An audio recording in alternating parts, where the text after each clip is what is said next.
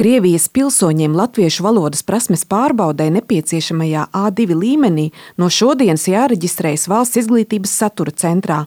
Iesniegumu var sūtīt pa pastu, elektroniski ar e-parakstu vai arī atnest klātienē Rīgā Strūgu ielā 4, bet eksāmeni no 11. aprīļa līdz 31. jūlijam notiks Rīgā, Daugopilī un Liepājā, stāsta centra pārstāve Liena Bērziņa. Aktivitāte ir vērojama, to novērojam gan Vaļņielā, kur valsts valodas prasmes pārbaudē piesakās cilvēki regulārā kārtībā, gan arī Strūgu ielā, protams, nāk tās personas, kurām valsts valodas pārbauda ir nepieciešama. Ja mēs šobrīd nedaudz ieskatāmies statistikā, tad mēs runājam par aptuveni 200 pieteikumiem reģistrācijai, kas e, šobrīd ir gan elektroniskā formātā, gan klātienē.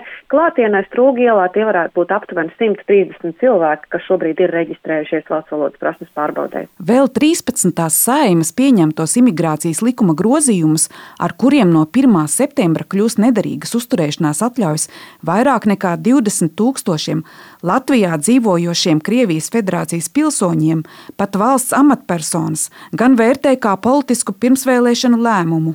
Nepilni 18,000 tās atjaunot varēs tikai pēc jau pieminētā valodas eksāmena nokārtošanas.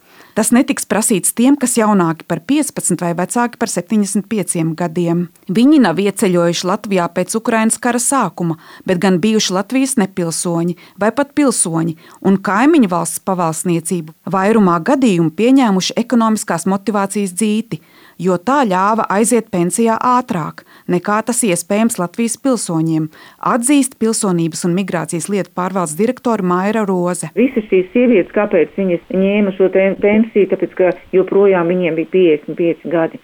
Un tas bija vēl pāris gadus atpakaļ, jo vienu brīdi bija tā, ka varēja saņemt gan Latvijas pensiju, gan Krievijas pensiju. Pēc tam bija jau noslēgts starpvalstu līgums. Viņas pašreiz ir vecumā no 60 līdz uh, 70 gadiem.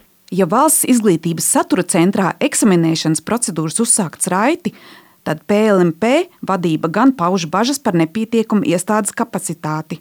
Kā labi esot jau pieņemts lēmums dokumentus uzturēšanās atļauju atjaunošanai, neiesniegt klātienē, bet tikai pa pastu un elektroniski.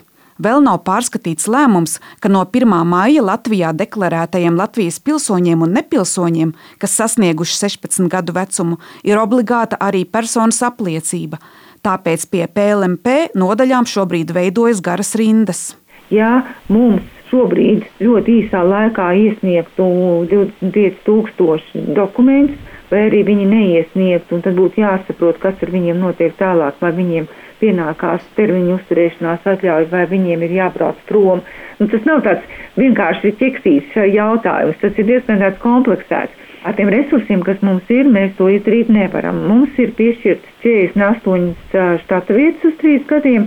Šobrīd, redzot, kā notiek konkursi uz klientu apkalpošanas speciālistiem, kā kandidātu nav, tad mēs visi saprotam, ka šeit mums ir vajadzīgi nu, jau tādi nu, būtībā ar juridisko izglītību cilvēki. Iekšlietu ministrs Māris Kučinskis no apvienotā saraksta ir saimas atbildīgajai komisijai iesniedzis priekšlikumu valodas pārbaudas Krievijas pilsoņiem veikt tad, kad tiem beidzas pastāvīgā uzturēšanās atļauja, kas ir derīga piecus gadus. Šo iesniegumu saima varētu skatīt pēc divām nedēļām.